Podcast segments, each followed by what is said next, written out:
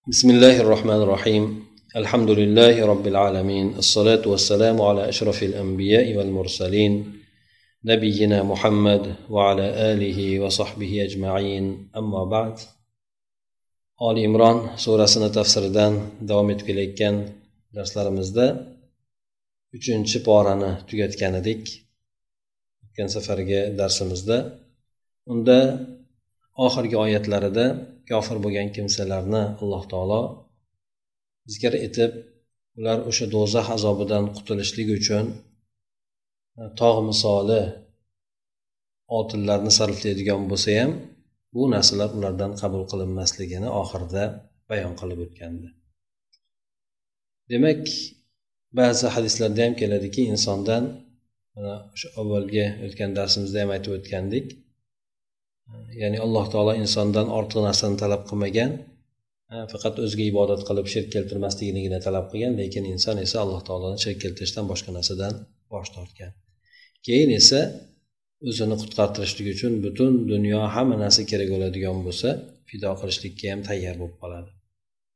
Lekin baribir undan bunday qilishligi qabul qilinmaydi. Sababi dunyoda inson ozgina dunyo uchun dinidan voz kechib yuboradi lekin oxiratda esa butun dunyo hamma narsasi qo'lida bo'ladigan bo'lsa ham jinniy azobdan azobni oldida shu narsalardan voz kechib yuborishlikka ham tayyor bo'ladi. Ana undan keyin alloh taolo oyatda aytadiki lan tanalul birra hatta tunfiqu mimma tuhibbun va ma tunfiqu min shay'in fa innalloha bihi alim. Ya'ni sizlar tom ma'nodagi yaxshilikka erisholmaysizlar. Hattoki sizlar o'zlaringiz yaxshi ko'rgan narsalardan infoq qilmagunlaringizgacha deydi. Bu yerdagi bir kalimasi ko'p narsani o'z ichiga oladigan kalimadir. Ya'ni butun yaxshiliklarni o'z ichiga oluvchi bo'lgan kalima allohni roziligi bo'lsin jannatga kirishlik bo'lsin yaxshi darajalarga erishishlik bo'lsin. Shularni hammasiga qaysi biriga bo'lsa ham erisholmaysizlar to o'zinglar yaxshi ko'rgan narsalardan infoq qilmagunlaringizgacha deydi. Sizlar biron narsani infoq qiladigan bo'lsalaringiz ham bu alloh taolo o'sha sizlar nimani infoq qiladigan bo'lsalaringiz bu narsalarni hammasini bilib turadi deb aytib o'tadi. Mana bu oyatni o'ziga e'tibor qaratadigan bo'lsak demak bu yerda inson allohni muhabbati bilan insonni muhabbati ya'ni dunyoga qo'ygan muhabbatini o'rtasini inson taqqoslashligi o'zi yaxshi ko'rgan narsalaridan ya'ni judayam yaxshi ko'rgan narsalaridan alloh uchun voz kecholashligi yoki infoq qilolashligi o'shanday qilsa allohni muhabbatini muqaddam qiladigan bo'lsa alloh taolo unga yuqori darajani berishligini bayon qilib o'tyapti. Shu o'rinda abu talha degan bir sahobiy bo'lgan bu kishi ansorlardan madina ahlini boy va davlat bo'lgan kimsalardan bo'lganda bu kishini payg'ambar sallallohu alayhi vasallamni masjidlarini ro'para tomonida bir bog'lari bo'lgan ekan. Shu oyat nozil bo'lgandan keyin payg'ambar sallallohu alayhi vasallamni huzurlariga keladilarda aytadiki rasululloh alloh taolo shunday deb aytibdi. Ya'ni sizlar o'zinglar yaxshi ko'rgan narsalardan infoq qilmagunigacha yaxshilikka erisholmaysizlar ya'ni tom ma'nodagi yaxshilikka erisholmaysizlar degan oyat nozil qilibdi. Men uchun eng yaxshi ko'rgan narsam bu bayraho degan o'sha bog'im mana shu narsa. Shuni olloh uchun qildim shu narsani. Siz o'zingiz xohlagan odamingizga qo'ying deydi xohlagan o'rningizga bu bog'ni qo'ying deydi ya'ni xohlagan ishingizni qiling deydi payg'ambar sallallohu alayhi vasallam ham darrov juda yaxshi bo'libdi kerak deb aytmaydida balki aytadilarki u judayam bir foydali mol bo'libdi judayam bir foydasi katta mol bo'libdi deb turib aytadilarki siz bu molni bu joyni o'zingizga yaqin bo'lgan odamlarni orasida qiling. Ya'ni qavmi qarindoshlaringizni orasiga qo'ying. O'shalarga bering deb turib aytadi. Shunda u kishi bo'pti o'shanday qildim deydilarda o'zini yaqinlari amakini amakilarini o'g'illari shularni o'rtasida uni taqsim qilib beradi.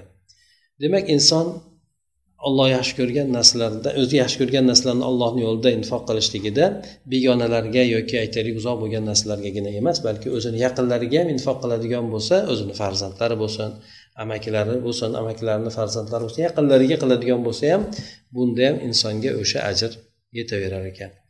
Ana undan keyingi mimma tuhibbun deyishligidagi bu oyatdagi ya'ni hamma yaxshi ko'rgan narsalarda emas balki alloh taolo inson tabiatini biladi. Shuning uchun o'sha yaxshi ko'rgan narsalaringlardan ba'zilarini. Endi inson o'sha yaxshi ko'rgan narsasini infoq qilolmasachi qo'ldan kelmadi. Bu odam hamma hamma bir xil darajada emas. Lekin o'zi yaxshi ko'rgan bo'lmagan narsadan ham inson infoq qiladigan bo'lsa bu ham qabul qilinaveradi shuning uchun aytdiki oyatdan keyin undan keyingi shu oyatni davomida biron narsani infoq qiladigan bo'lsalaringiz ho yaxshi ko'rgan narsalardan bo'lsin ho yaxshi ko'rgan narsalardan bo'lmasin. Sizlar uchun qadrli bo'lsin yoki unchalik qadri bo'lmagan narsalardan infoq qiladigan bo'linglar. Baribir alloh taolo bu narsalarni bilib turadi ya'ni o'shanga yarasha alloh taolo ajrini ham beradi deydi. Ba'zan bo'ladi inson hadisda ham keladi bir dirham yuz ming dirhamdan o'zib ketdi deydi. Payg'ambar bir hadislarda. Sahobalar so'raydi rasululloh qanday qilib o'zib ketadi? Bir dirham yuz ming dirhamdan ortiq bo'lib ketsa deganda bir odamda ikki dirham bor edi. Bir dirhamini xudoni yo'lida sarf etdi deydi. Ya'ni yarim molini berdi. Bir odamni kattagina boyligi bor edi uni bir bo'lagini ya'ni yuz mingini infoq qildi deydi. O'sha bir dirham bundan ko'ra alloh taoloni nazdida e'tiborliroq bo'ldi. O'zi aslida ikkalasi ham allohga nisbatan yo'q narsa bu. Nol narsa. Bir dirham bo'lsin yuz ming bo'lsin milliard bo'lsin alloh uchun bu narsalar qadri yo'q bo'lgan narsalar. Lekin inson qachoniki o'zidagi bo'lgan qadrli bo'lgan narsani beradigan bo'lsa alloh taolo uni qadrini juda ham yuqori qo'yar ekan. Bu yerda ham o'sha inson o'zi qadri qo'ygan narsasini beradigan bo'lsa alloh taolo uni qadrini yuqori qilishligini aytib o'tadi. مفسر أيتدك أي لن تبلغوا حقيقة البر الذي هو جماع فعل الخير ولن تفوزوا برضا الرحمن ودخول الجنان حتى تنفقوا من أفضل أموالكم مما تحبونه وتشتهونه لأنفسكم وما تنفقونه من شيء في سبيل الله فهو محفوظ لكم تجزون عنه في الآخرة خير الجزاء. يعني سلر ya'ni butun yaxshiliklarni yig'indisi bo'lmish haqiqiy tom ma'nodagi bo'lgan yaxshilikni haqiqatiga erisha olmaysizlar va yana alloh taoloni roziligiga erisholmaysizlar jannatga kirishlik bo'lsin shu narsalarga yetisholmaysizlar. Hatto o'zinglarni molinglarni eng afzallaridan infoq qilmagunlaringizgacha bu sizlar o'zinglar yaxshi ko'rgan o'zinglar nafsinglar uchun xohlagan shu narsalardan infoq qilmagunlaringizgacha erisholmaysizlar dedi. Ya'ni bu ham alloh taolo tomonidan bo'lgan sinov. qaysi bir kimsa allohni yo'lida biron bir narsani infoq qiladigan bo'lsa mayli qaysi narsa bo'lishidan qat'iy nazar infoq qiladigan bo'lsa bu sizlar uchun sizlar infoq qiladigan bo'lsalaringiz sizlar uchun bu narsa saqlab qo'yiladi alloh taoloni huzurida oxiratda esa o'sha narsani muqobilida sizlar judayam yaxshi bo'lgan mukofot bilan mukofotlanasizlar deb aytadi كل الطعام كان حلا لبني إسرائيل إلا ما حرم إسرائيل على نفسه من قبل أن تنزل التوراة أي كل الأطعمة والمأكولات كانت حلالا لبني إسرائيل إلا ما حرمه إسرائيل أي يعقوب علي على نفسه من قبل نزول التوراة وهي لحوم الإبل والبانها. ثم حرمت على اليهود بعض أنواع الأطعمة عقوبة لهم على بغيهم وعدوانهم وسفكهم دماء الأنبياء. Undan keyingi oyatda alloh taolo aytadiki bani isroilga avvalda ya'ni yoqub alayhissalomni farzandlari ya'ni bani isroilga hamma taomlar oldin yemak ichmak bo'lgan narsalar halol bo'lgan edi. Ya'ni olloh o'zi aslida harom qilgan narsalardan tashqarisi. Endi masalan cho'chqa boshqa boshqa bo'lgan narsalar yoki mast qiluvchi ichimliklar hamma payg'ambarlarni davrida bu narsa harom qilingan. Lekin e, umumiy suratdagi yemak ichmak bo'lgan narsalari bani isroilga halol bo'lgan edi. Faqatgina yoqub alayhissalom o'ziga ba'zi sabablarga ko'ra ba'zi narsalarni harom qilib olgan edi. Ba'zi rivoyatlarda aytadiki yoqub alayhissalom uzoq vaqt muddat e, kasal bo'lib yotadi. O'sha kasal bo'lishligida o'zi sog'ayadigan bo'lsa nazar qilib aytadilarki sog'ayadigan bo'lsa o'zi uchun eng yaxshi bo'lgan narsalardan birisini e, shu kechaman o'shandan deb turib u kishi shunday deb aytadi. Sog'ayib ketadi keyin yaxshi ko'rgan narsasi tuya bo'ladi tuyani sutlari bo'ladi. Shu narsalardan xudo uchun kechdim deb aytadi. Bu yerda ba'zi shu rivoyatga nisbatan bu yerda o'sha narsani allohu alam qasd qilinyapti shekilli. Ya'ni yoqub alayhissalom ba'zi narsalarni tavrot nozil bo'lishligidan oldin hamma narsa ularga halol bo'lgan edi lekin yoqub alayhissalom ba'zi narsalarni o'ziga harom qilgandi deb aytadi. Demak mufassirni gapida aytadiki hamma yemak ichmak bo'lgan narsalar aslida bani isroilga halol bo'lgan edi faqat yaqub alayhissalom o'ziga harom qo'ygan ba'zi narsalar bor edi bu tavrot nozil bo'lishidan oldin bu tuya ham tuyani go'shtlari hamda sutlari edi. So'ng undan keyin ancha muncha narsalar yahudlarga ya'ni bani isroilga harom qilindi. Yoqub alayhissalomdan keyin bularga harom qilindi. Sababi nima edi? Sababi bu ular payg'ambarlarni qonlarini to'kkanligi haddan oshganligi har xil tajovuzlar qilganligiga uqubat qilib turib alloh taolo tomonidan bularga ba'zi yemak ichmak bo'lgan narsalar harom qilingan edi. قل فأتوا بالتوراة فاتلوها إن كنتم صادقين. أي قل يا أيها الرسول تكذيبا لهم. ائتوني بالتوراة فاقرؤوها علي إن كنتم صادقين في دعواكم أنها لم تحرم لم تحرم عليكم بسبب بغيكم وظلمكم. وسبب هذه الآية أن النبي صلى الله عليه وسلم لما قال أنا على دين إبراهيم قالت اليهود كيف تكون على دين إبراهيم وأنت تأكل لحوم الإبل وألبانها؟ وهي محرمة في شريعة إبراهيم. فقال لهم صلى الله عليه وسلم ما كانت محرمة عليه وإنما حرمها الله عليكم فلما حاجهم بكتابهم ووبخهم وطلب منهم أن يأتوا بالتوراة بهتوا وانقلبوا صاغرين لم يجسر أحد منهم على إخراج التوراة وفي ذلك الحجة البينة على صدق النبي صلى الله عليه وسلم. Bu oyatni keltirishligida banu isroil ularga o'sha harom qilingan narsalar ularni kitoblarda harom qilingan narsalarni ular inkor etishar edi ya'ni bu narsalar bizga tajovuzkor bo'lganligimiz yoki payg'ambarlarga qarshi chiqqanligimiz uchun bo'lmagan bu narsalar deb aytishar edi ba'zi narsalarni aytib o'tdik alloh taolo ularga harom qilgan. Harom qilganligini sababi ular haddan oshganligi uchun edi. Bular haddan oshgan bo'lganligi ular uchun minus bo'lgan narsa edi. Shuning uchun bular bu narsani inkor etardi. Yo'q bizga bu narsalar e, tajovuz qilganligimiz uchun harom qilinmagan deb turib bular aytishar edi o'shanda payg'ambar sallallohu alayhi vasallam aytdiki bularga bo'lmasa bo'pti tavrotinglarni olib kelinglar kitobinglarni olib kelinglar bo'lmasa. Fatluha uni endi biz emas mayli o'zinglar o'qinglar o'qib beringlar bizga. Ha bizga ishonmaysizlar baribir. Bo'pti kitobinglarni olib kelinglarda o'sha sizlarga harom qilinganligi ya'ni tajovuz qilganinglar sababligi sizlarni kitobinglarda bor. Agar sizlar bu narsani yolg'onga chiqarayotgan bo'lsanglar kitobinglarni olib kelib mana o'qib ko'ringlar oldimizda o'qib beringlar. Bu narsalar hammasi sizlarni kitobinglarda yozilgan. Agar sizlar bu narsada rost gapirayotgan bo'lsanglar ya'ni bu bizga uqubat sifatida tushmagan deb aytayotgan bo'lsanglar deydi.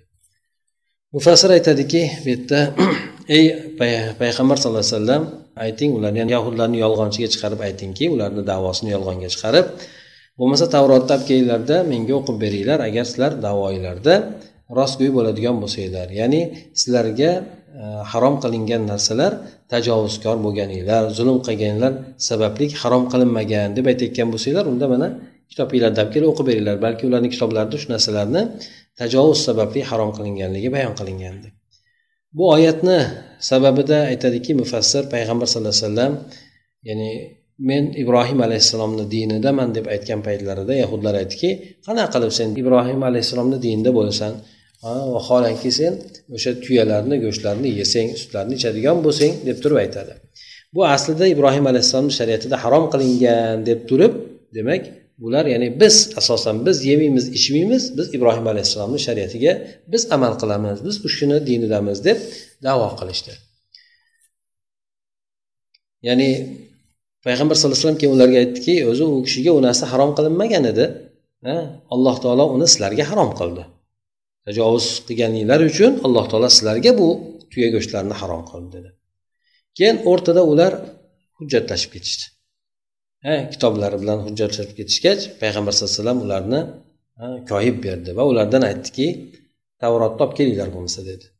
Shunday deb aytgan paytida ular lol qolishdi ya'ni nima deyishdi javob berishni bilmay qolishdi va xor bo'lgan holatda orqalariga qaytishdi ulardan birontasi tavrotni olib kelib chiqarib berishlikka jur'at qilolmadi mana bu narsada esa payg'ambar sallallohu alayhi vasallamni haqiqiy payg'ambar ekanligiga ochiq bir hujjat bordir فمن افترى على الله الكذب من بعد ذلك فأولئك هم الظالمون أي فمن اختلق الكذب من بعد قيام الحجة وظهور البينة وكذب على الله بزعمه أن التحريم كان على الأنبياء وأممهم لا بسبب بغي اليهود فأولئك المفترون هم الظالمون لأنفسهم بكذبهم وافترائهم ana endi kimki alloh taologa yolg'onni to'qiydigan bo'lsa hujjat ravshan bo'lgandan keyin kimki alloh taoloni haqqiga yolg'on to'qiydigan bo'lsa ana ular zolim bo'ladi deb oyat kalimada aytadi mufassir demak buni tafsir qilib aytadiki kimki hujjat qoyim bo'lgandan keyin aniq ravshan bo'lgandan keyin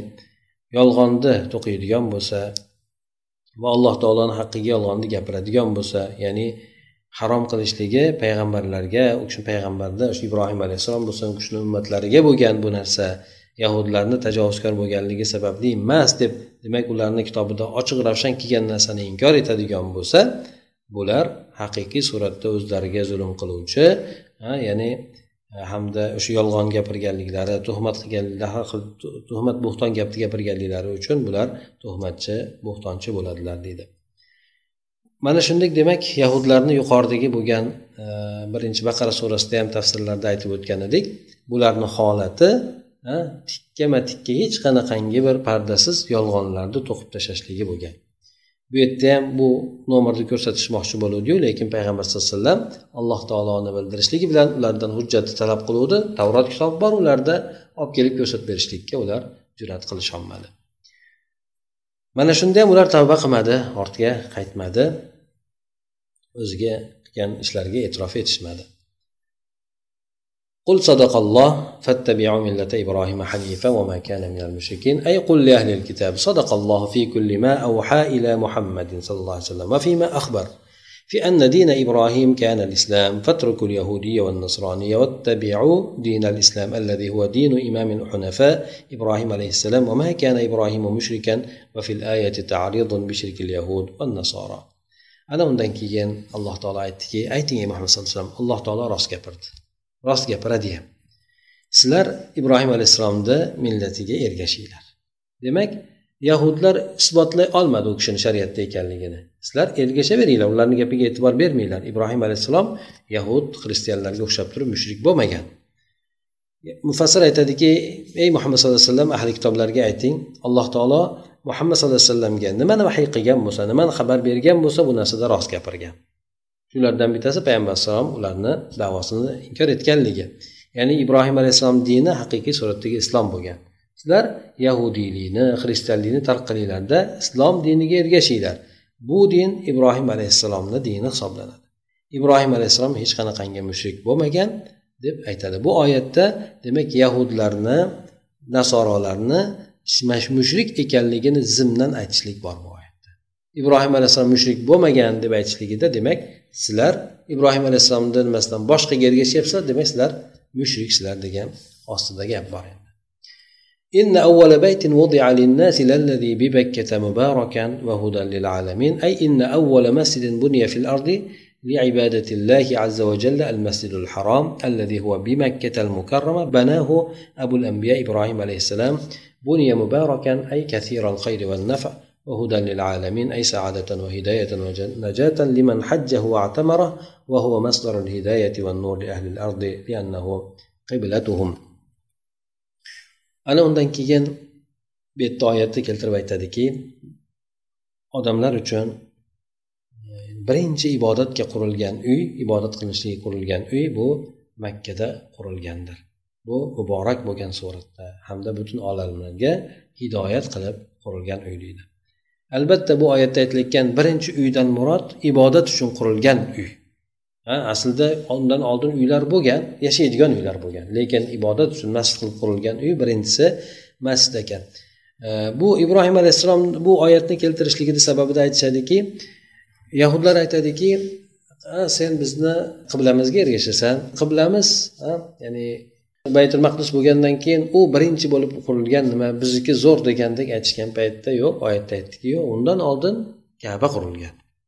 Hattoki payg'ambar sallallohu alayhi vasallamdan so'ralgan paytida ham qaysi bir uy birinchi qurilgan ibodat uchun deganda kabani aytgan makkadagi kabani aytganlar keyin deganda keyin baytul maqdisni aytganlar. Ha o'shanday demak buni bu tomondan ham alloh taolo aytdiki yo'q birinchi qurilgan uy musulmonlar qiblasi bu hozirgi paytdagi. Sizlarni qiblalar emas deb. Ya'ni yer yuziga bino qilingan birinchi masjid alloh taologa ibodat qilishlik uchun bu masjidil haromdir. Bu makkai mukarramada bakka deb aytilishligi makkani bir nomi bakka ekan. Yana bir mashhur bo'lgan nomi makkadir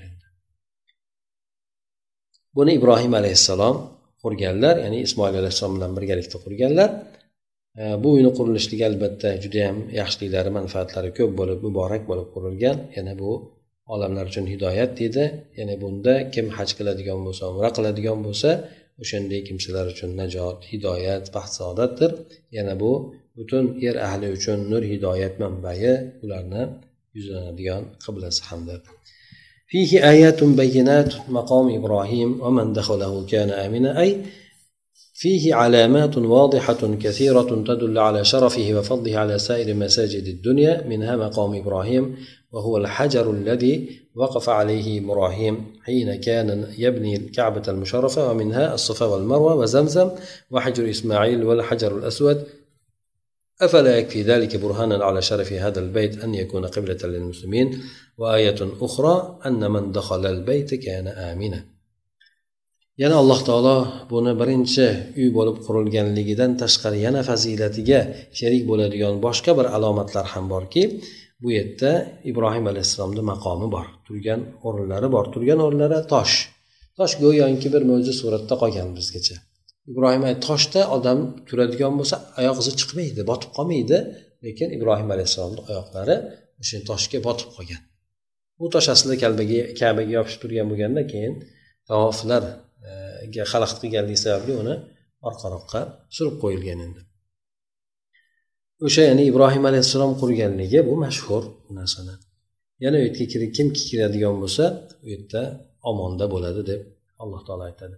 Mufassir keltirib aytadiki demak yana ko'plab boshqa aniq ravshan bo'lgan alomatlar borki bu alomatlar o'sha kabani butun dunyo masjidlarini ustida nafaqat e, baytul maqdis balki boshqa butun dunyo masjidlarini ustida obro'li ekanligi fazli ekanligiga fazilatli ekanligiga dalolat qiladi. Ulardan mana aytib o'tganimiz maqomi ibrohim bor. Bu ibrohim alayhissalom ustida turgan tosh edi kabani qurayotgan paytlarida. Yana undan tashqari safo marva bor haj amallari qilinadigan. Yana zamzam suvi bor judayam bir mashhur bo'lgan. Ibrohim ismoil alayhissalomni hijri deb aytiladi. O'sha e, kabaga yangi qo'shilib qolgan kichkinagina joy. Yana undan tashqari qoratosh ham ayni o'sha yerda ya'ni bu qoratosh jannatdan tushgan. Demak mana shu narsalar hammasi o'sha baytullohni ya'ni musulmonlar uchun qibla bo'lishligida o'sha sharafli ekanligiga hujjatda e, yetarli emasmi deydi. Demak banu isroil bu yerda talashgan edi. Biz masjidimiz zo'r bizniki obro'li hurmatli boshqa boshqa deb aytganda alloh taolo bu yerda kabani undan ko'ra musharraf ekanligini bayon qilib o'tib ketdi. yana boshqa bir oyati borki unga kim kiradigan bo'lsa omonda bo'ladi deydi omonda bo'lishligi hattoki masjid ichiga kirgan odam ham o'zi xotirjamlikni his qilishligi undan tashqari hatto mushriklar ham rioya qilishgan kabaga kirgan odamni omonda deb e'tibor qilishlik bilan ya'ni kaba go'yoki himoya bo'lgan inson uchun ولله على الناس حج البيت من استطاع إليه سبيلا ومن كفر فإن الله غني عن العالمين أي وفرض لازم محتم على المستطيع من الناس حج بيت الله العتيق ومن ترك الحج مع استطاعته له فإن الله مستغن عن عبادته وعن الخلق أجمعين وعبر عن ترك الحج بالكفر ومن كفر تغليظا وتشديدا وتنبيها على وجوبه وفرضيته على المؤمنين. yana undan tashqari aytadiki alloh taolo olloh uchun odamlarni zimmasida o'sha baytullohni haj qilishlik farzligi bor bu kimki yo'lga qodir bo'ladigan bo'lsa kimki endi nonko'rlik qiladigan bo'lsa yoki o'sha amalni bajarmaydigan bo'lsa alloh taolo undan ham balki butun olamlardan ham qiladigan ibodatu boshqa narsalardan behojat deb aytadi.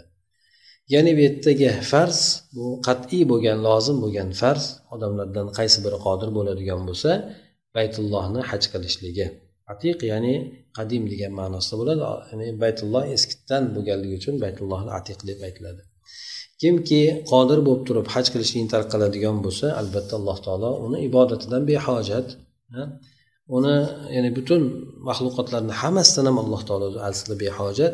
Endi bu yerda alloh taolo hajni tark qilishlikdan kufr kalimasini ishlatib ishlatdiki bu yerda buni ishlatishligi e, ba'zi mufassillarni gapiga binoan ya'ni judayam qattiq odamlarga tanbeh berishlik uchun ya'ni bu amal qilishlikka odamlarni qattiq targ'ib qilib kimki shuni tark qiladigan bo'lsa ularga qattiq tanbeh berishlik natijasida keltirgan deb aytiladigan bo'lsa ba'zilar aytadiki yo'q hajni farzligini inkor etadigan bo'lsa bu kofir degan ma'noda bo'ladi deb ba'zilar aytishadi.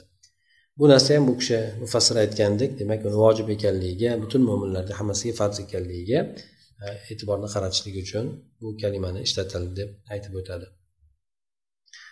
Endi haj qilishlik masalasi bo'yicha olimlarni ixtilofi bor. Bu farz farz lekin odam qodir bo'lishi bilanla qilish kerakmi yoki bo'lmasa umr davomida qilsa bo'laveradimi? Ha masalan pul topdinglar o'sha yili qilish kerakmi imkoniyat topdi yoki bo'lmasa keyingi sursa bo'ladimi? Bu borada olimlarni ixtilofi bor ekan.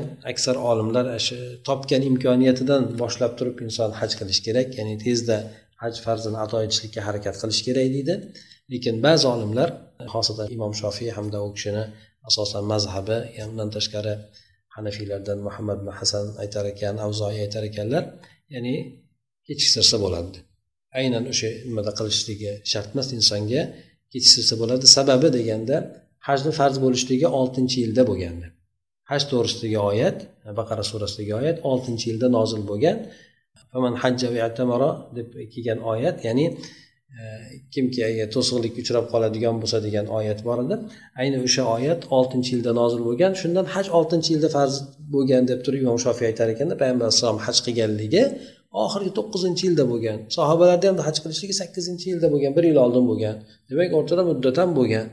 Shu narsa taxirga sabab bo'ladi deb aytgan gaplar bor ekan. Lekin ko'pchilik olimlar aytgan inson ya'ni imkon topsanglar harakat qilishlik kerakki tezroq haj farzini ado etishlikka deydi ya'ni e, birinchidan ajri ko'proq bo'ladi ikkinchidan insonga dangasaligi yo boshqa boshqa narsa sababli inson ado etolmasdan qolishligi mumkin. Undan tashqari inson vafot etib ketadigan bo'lsa haj qodir bo'lib turib u odamga haj badal qilinadi keyin qodir bo'lib turib qilmasdan ketadigan bo'lsa u odamga nimasidan e, merosidan boshqasidan haj badal qilinadi. shuning uchun inson qodir bo'lgandan keyin imkon topsa o'zi borib kelishi kerak bo'ladi ذكر تعالى من مزايا هذا البيت ثلاثة وجوه demak alloh taolo bu baytullohni xususiyatlaridan uchta narsani zikr qilib o'tdi bu oyatlarda birinchisi demak bu ibodat uchun nusk ya'ni ibodatlarni ado etishlik uchun bino qilingan birinchi masjid ekan ikkinchisi esa alloh taolo uni musharraf ekanligiga fazilatli ekanligiga dalolat qiladigan ochiq oydin bo'lgan oyatlarni ham keltirib o'tdi. Bulardan bir nechasini sanab o'tdi yuqorida. Yana undan tashqari alloh taolo o'sha yerda yashaydigan odamlarni ham omonligu barqarorlik bilan mukarram etdi. Ya'ni kabada bo'lgandan keyin hatto mushriklar ham ancha hurmatda bo'lgan. Aytadiki qul ya ahlal kitab lima takfuruna bi ayatillahi vallohu shahidun ala ma ta'malun. قل يا محمد صلى الله عليه وسلم يا معشر اليهود والنصارى لم تكفرون بالقرآن العظيم المنزل على خاتم المرسلين مع قيام الدلائل والبراهن على صدقه؟ والله جل وعلا مطلع على جميع أعمالكم ومجازيكم عليها والاستفهام للتوبيخ وبيان عجزهم عن إقامة العذر في الكفر. ana undan keyin alloh taolo yana o'sha bani isroilga xosatan yahudlar bilan nasorolarga e, Э, xitob qilib aytadiki ayting ey muhammad sallallohu alayhi vasallam ey ahli kitoblar nima uchun alloh taoloni oyatlariga kofir bo'lasizlar? Vaholbuki sizlar shahidun alama tamalun alloh taolo sizlar nima qilayotganinglarni guvoh bo'lib turibdiyu. Sizlar bu dinni haq ekanligini bilasizlar. Muhammad sallallohu alayhi vasallam haqiqiy payg'ambar ekanligini bilasizlar. Nima uchun endi alloh taoloni oyatlariga kofir bo'lasizlar? Alloh taolo ko'rib turganligidan hijolat bo'lmaysizlarmi uyalmaysizlarmi deb aytiladi. Mufassir keltirib aytadiki ey muhammad sallallohu alayhi vasallam ayting ularga ey yahudlar va nasorolar jamoasi nima uchun qur'oni karimga kofir bo'lasizlar? Bu muhammad sallallohu alayhi vasallamga nozil bo'lganku. Yana bular payg'ambar sallallohu alayhi vasallamni rost payg'ambar ekanligiga dalil hujjatlar ham yetarliku ularni hattoki ularni kitoblarida ham bor alloh taolo keyin sizlarni hamma amalinglardan xabardor bo'lib turibdi. O'zinglar bilasizlar bu narsani. O'shanga ko'ra alloh taolo hali sizlarni jazolaydi ham. Bu yerdagi istifhom so'rashligi nima uchun deb so'rashligi ularni koyishlik uchun. Ya'ni so'rashlik uchun emas balki ularni iymon keltirsang bo'lmaydimi? Alloh taoloni oyatlariga degan mazmunda ularni qattiq qattiq tegib aytilgan gaplar edi va yana ularni kofir ekanligida uzrni keltirishlikdan ojiz ekanligi. Ya'ni o'zlariga uzr topolmaydi o'sha qur'onni inkor etishlikka qur'on allohni kitobi emas deb aytishlikka uzr topolmaydi bular. Haqiqatdan uzr topolmaydi lekin faqatgina bu narsa tashqi tomondan bo'xton tuhmat gaplarni aytishadi xolos. قل يا أهل الكتاب لم تصدون عن سبيل الله من آمن تبغونها عوجا وأنتم شهداء وما الله بغافل عما تعملون توبيخ آخر لهم أي لم تمنعون الناس وتصرفونه على دين الله الحق وهو الإسلام وتمنعون من أراد الدخول فيه بالتلبيس على الناس بإيهامهم أن فيه خللا وعوجا. تطلبون أن يكون دين الله عوج وأنتم تعلمون حق العلم بأن الإسلام هو الحق وهو الدين المستقيم وليس الله بغافل عن أعمالكم وإجرامكم. لقد جمع اليهود والنصارى بين الضلال والإضلال. لعباد الله فقد كفروا بالإسلام ثم صدوا الناس عن الدخول فيه بإلقاء الشبه والشكوك في قلوب الضعفة من الناس كما يفعل المبشرون في زماننا ana undan keyin yana bir boshqa xitobni ularga yo'naltirib aytiladiki ayting ey muhammad sallallohu alayhi vasallam ey ahli kitoblar nima uchun endi avvalo nima uchun ollohni oyatlariga kofir bo'ldinglar qolaversa nima uchun ollohni dinidan unga iymon keltirayotgan kimsalarni to'syapsizlar endi ollohni dinidan odamlarni to'syapsizlar bunda sizlar ollohni o'sha dinida noto'g'rilik borligini istagan aytgan holatlaringizda. Ya'ni dinda kamchilik bor boshqa boshqa bu haq din emas deb boshqa narsalar deb turib demak odamlarga har xil shubhalarni solib turib ollohni dinidan to'syapsizlar o'zinglar bilib turibsizlaru antum shuhada bilib guvoh bo'lib turibsizlar o'zinglar bu din haq ekanligiga payg'ambar sallallohu alayhi vasallam haqiqiy payg'ambar ekanligini bilib ko'rib turibsizlar o'zinglar. Alloh taolo lekin sizlar qilayotgan ishlardan g'aflatda emas deb alloh taolo aytadi. Mufassir aytadiki bu yana ikkinchi ularga qattiq koyib berishlik edi. Ya'ni odamlarni nima uchun allohni haq dinidan islom dinidan to'syapsizlar? Odamlarni borib yuboryapsizlar. Unga kirishlikni xohlagan odamlarni man qilyapsizlar. Odamlarga demak demak dinda nuqsonlar bor qing'irliklar bor deb odamlarni gumon qildirishlik bilan odamlarga chigallashtirib berishlik bilan haqni nohaq bilan aralashtirib berishlik bilan odamlarni dinga kirishlikdan man qilyapsizlar. Yana nima sizlar alloh taoloni dini qing'ir bo'lishligini xohlayapsizlarmi sizlar o'zinglar bilasizlarku aniq bir suratda bilasizlarki islom bu haq din ekanligini alloh taoloni to'g'ri dini ekanligini bilasizlar. Alloh taolo esa sizlarni qilayotgan amalinglardan bu jinoyatinglardan g'aflatda emas. Demak bu yerda yahudlar va nasorolar ikki narsani o'rtasini jamlashdi. Birinchidan o'zlari zalolatga ketib qolishdi. Hamda odamlarni boshqa ollohni bandalarini ham adashtirishlikka harakat qilishdi adashtirishdi. Hamda bular demak islomga kofir bo'lishdi. Odamlarni ollohni diniga kirishlikdan har xil shubhalarni yoki gumonlarni zaif bo'lgan odamlarni qalblariga solishlik bilan odamlarni to'sishdi. Buni xuddi bizni hozirgi zamonimizda missionerlar qilayotgani kabi deydi. Demak bu oyat aniq shu yahudlarni ham xristianlarni ham ikkalasini ham kofir ekanligiga ochiq suratda dalolat qiladi. Nima uchun? Demak odamlarni ollohni dinidan to'syapsizlar deydi. Demak ollohni yo'lidan to'sayotganlik ollohni yo'li har xil bo'lmaydi bitta bu islom dini. Demak ular ollohni yo'lida emas. Keyin bu yerda iymon keltirgan odamlarni to'syapsizlar deydi balki iymon keltirayotgan odamlarni chiqarishga harakat qiladi. Iymonga kirishni xohlayotgan odamlarni esa undan burishlikka ular harakat qilishadi. Bu narsalarni hammasida aytadiki va antum shuhada degan kalima. Ya'ni sizlar haq nimada ekanligini aniq bilgan holatida qilasizlar deydi. Demak bularni qilayotgan ishlari allohni g'azabiga uchraganligini ham sababi shuki haqni bilishdi uni tashlashdi. Yahudlarni shunday deb aytishadi nasorolarni haqni bilmadi zallatga ketdi deydi. Bu olimlar aytadiki bu avvalgi davrda bo'lgan deydi. Payg'ambar davrlarida shunaqa bo'lgan. Hozirgi davrda yahud bilan xristianni farqi yo'q deydi. Ikkalasi ham haq din islom ekanligini biladi. Xosatan bularni o'sha boshqarib turgan poplari rohiblari olimlari islom dini haq ekanligini biladi. Lekin odamlarni islomdan o'zlari ham kofir bo'lishga yetmasdan ular u kofir bo'lgani uchun sizlarda ham kofir bo'lishinglarni ya'ni bab barobar bo'lishinglarni xohlaydi deydi hech qaysi biri bularni o'zidan ko'ra boshqalar yuqori bo'lib ketishligini istamaydi shuning uchun hammani dindan burishlikka harakat qiladi deydi mana shu narsa demak ularni daydani yoki odati ekan يا أيها الذين آمنوا إن تطيعوا فريقا من الذين أوتوا الكتاب يردوكم بعد إيمانكم كافرين أي إن تطيعوا طائفة من أهل الكتاب يصرفونكم من الإيمان إلى الكفر ey iymon keltirgan kimsalar agar ahli kitoblardan bironta bir toifasiga itoat qilib qoladigan bo'lsalaringiz ular sizlarni mo'min bo'lganlaridan keyin kufrga qaytarib qo'yadi dedi. Qaysi biriga itoat qilib ketsanglar ham? Farqi yo'q. U missionerlari bo'ladimi? Baptistlari bo'ladimi? Boshqasi bo'ladimi?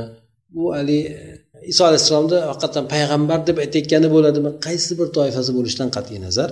Demak ularga qaysi biriga ergashib ketadigan bo'lsanglar itoat qilib ketadigan bo'lsanglar bular sizlarni mo'min bo'lganlaridan keyin kofirga qaytaradi deganligi ularni kofir ekanligini aniq oshkor qilyapti ba'zilar demak hozirgacha aytadiki ular diniga amal qiladigan bo'lsa kofir emas deydi sizlar ularga ergashsanglar sizlarni ham kofir qilib yuboradi deganligi ular aslida kofir bo'lib ketgan deganligi وكيف تكفرون وأنتم تتلى عليكم في آيات الله وفيكم رسوله ومن يعتصم بالله فقد هدي إلى صراط مستقيم استفهام إنكاري فيه تعجيب من حالهم. أو كيف تنقلبون من الإيمان إلى الكفر والوحي لم ينقطع بعد؟ وآيات القرآن لا تزال تتنزل عليكم ورسول الله صلى الله عليه وسلم حي بين أظهركم يرزق ومن تمسك يتمسك بدين الله الحق وهو الإسلام فقد تحقق له الهدى وطريق الله المستقيم. نزلت هذه الآية في الأنصار وهي عامة لكل زمان ومكان. بسبب نزولها ما أخرجه ابن إسحاق عن زيد بن أسلم أنه قال. aytadiki yana mo'minlarga xitob qilib alloh taolo aytadiki endi sizlar qanaqa qilib kofir bo'lishinglar mumkin? Holbuki sizlarga ollohni oyatlari tilovat qilib turilgan bo'lsa qur'on nozil bo'lib turgan bo'lsa sizlarga ya'ni ularni ikir chikirlargacha qilayotgan ishlargacha ochib berayotgan bo'lsa oriylarda rasululloh alayhivasallam tirik bo'lib turgan bo'lsa qanaqa qilib sizlar demak ularni diniga ergashib ketib qolasizlar? Kimki alloh taoloni mahkam ushlaydigan bo'lsa dinni arqonni mahkam ushlaydigan bo'lsa bu inson to'g'ri yo'lga hidoyatlangan bo'ladi deydi. Bu yerdagi istifhom qanday qilib kofir bo'lib ketasiz degani bu inkoriydir ya'ni unday qilmanglar kofir bo'lmanglar degani. Bularni holatidan taajjubga tushishlik bor bu yerda. Ya'ni ana qilib iymondan keyin kufrga qaytib ketishliginglar mumkin. Vahiy esa hali uzilib qolgani yo'q. Qur'on oyatlari sizlarga nozil bo'lib turgan bo'lsa rasululloh alayhi oralaringizda tirik rizqlanayotgan bo'lsa endi kimki alloh taoloni haqiqiy dinni ya'ni islomni mahkam tutadigan bo'lsa bu odamga hidoyat alloh taoloni to'g'ri yo'li ro'yobga chiqqan bo'libdi. Mana bu oyatlar ansorlar to'g'risida nozil bo'lganu lekin hamma zamon makon uchun umumiydir bu oyatni nozil bo'lishlik sababi nima uchun bu oyatni keltirildi? Bu oyat nozil bo'ldi. Buni sababida ibn ishoq zayd ibn aslamdan rivoyat qiladiki bishos ibn qays degan bir yahudiy bo'lgan odam payg'ambar sallallohu alayhi vasallamni avsu hazrajdan iborat bo'lgan sahobalarni bir jamoa qilib o'tirishgan ekan o'shalarni orasidan o'tib qolibdi bular bitta yig'inda o'tirib gaplashishar edi. O'zaro bir biri bilan gaplashishardi bu yahudiy bo'lgan odam ularni bir biriga ulfatli ekanligini oldin johiliyatda judayam bir biriga qattiq dushman bo'lgandan keyin oralarida yarashishlar bo'lib ketganligini bir biriga judayam yaqin ulfat bo'lib ketganligini ko'rganligi uni g'ashiga tegdi. G'ashini chiqardi achchig'ini chiqardi g'azabini keltirdi. Ana o'shandan keyin bu yahudiy ya'ni yosh bo'lgan bir yahudiyni yaramas bo'lgan bir yosh bo'lgan yahudiyni yubordida aytdiki ana ularni oldiga borginda ular bilan birga o'tirgan o'sha avvaldagi urush kunlarini eslatgin bularga. Avs bilan o'rtasida urush bo'lganda bir qirq yil mobaynida. O'sha urushlarni bir kunlarni eslatgan ularni o'rtasidagi bo'lgan har xil bir biriga kelishmovchiliklar bir biridan yuz yugurishlar bu narsalarni hammasini ularni e, eslatib qo'ygin bir dedi. Va yana ularga avvalda e, to'qishgan e, she'rlaridan bir qator aytib bergin sen. Johiliyatni o'zlarini tarafini olib turib aytgan she'rlardan bir aytib bularni bir o'rtasini buzgin dedida keyin keyin o'sha yaramas bo'lgan odam borib shu ishni qildi. O'rtada fitna ko'tarilib ketdi qo'zg'alib ketdi. Bir biri bilan nizoga tushdi bir janjalga tushdi g'azablanishdi hattoki qurollar qani qurollar qani deb bir biri qichqirib ham qolishdi. Ikkita qabiladan ko'p odam yig'ilib qoldi. Avusdan ham. Hazrajdan ham ya'ni bir biri bilan urushishlikka hm? xabar payg'ambar alayhissalomga yetib bordi. Shunda u kishi o'zi bilan birga bo'lgan muhojirlar bilan keldida aytdiki ularga nido qilib ey ansorlar jamoasi men hali oranglarda bo'lib turib johiliyat davosini qilasizlarmi? Tarafkashlik. Alloh taolo sizlarga sizlarni islomga hidoyat qilgan bo'lsa sizlardan johiliyat ishlarini kesib tashlagan bo'lsa deb payg'ambar alayhisalom aytib qoldi. Keyin eshitdi qavm endi keyin aqli o'ziga kelib o'ylashdiki demak bu shaytonni bir teginishi bo'libdi ularga shayton o'rtaga fitna solibdi ekan. Bu ularni dushmanlarini hiylasi ekan. Mana shu narsani keyin o'ylashib qoldi ular. Qurollarni tashlab yig'lashdida ba'zilarini ba'zilarini quchishdi. Keyin payg'ambar sallallohu alayhi vasallam bilan birgalikda itoat qilib eshitib payg'ambar alayhisalom bilan birgalikda qaytishdi. Alloh taolo ollohni dushmani o'sha yahudiy shos ibn qaysni chiqargan fitnasini mana shunday qilib o'chirdi. Mana bu oyat karimalar shu tomondan nozil bo'ldi. Jobir ibn abdulloh roziyallohu anhu aytgan ekanlarki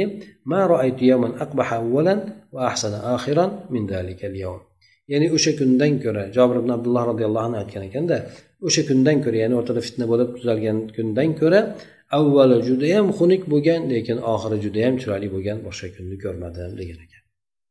Ana o'shandek demak yahudlarni qilgan ishi ikkita bir biriga judayam ulfat bo'lgan qur'on davridagi maqtalgan davrdagi odamlar sahobalar ikkalarini ham hatto kerak bo'lsa din uchun jonini berib yuboradigan odamlarni ham qisqa muddatda bir o'tirishni o'zida bir biriga judayam bir biriga teskari qilib qurol ko'taradigan qilib qo'ygan degan.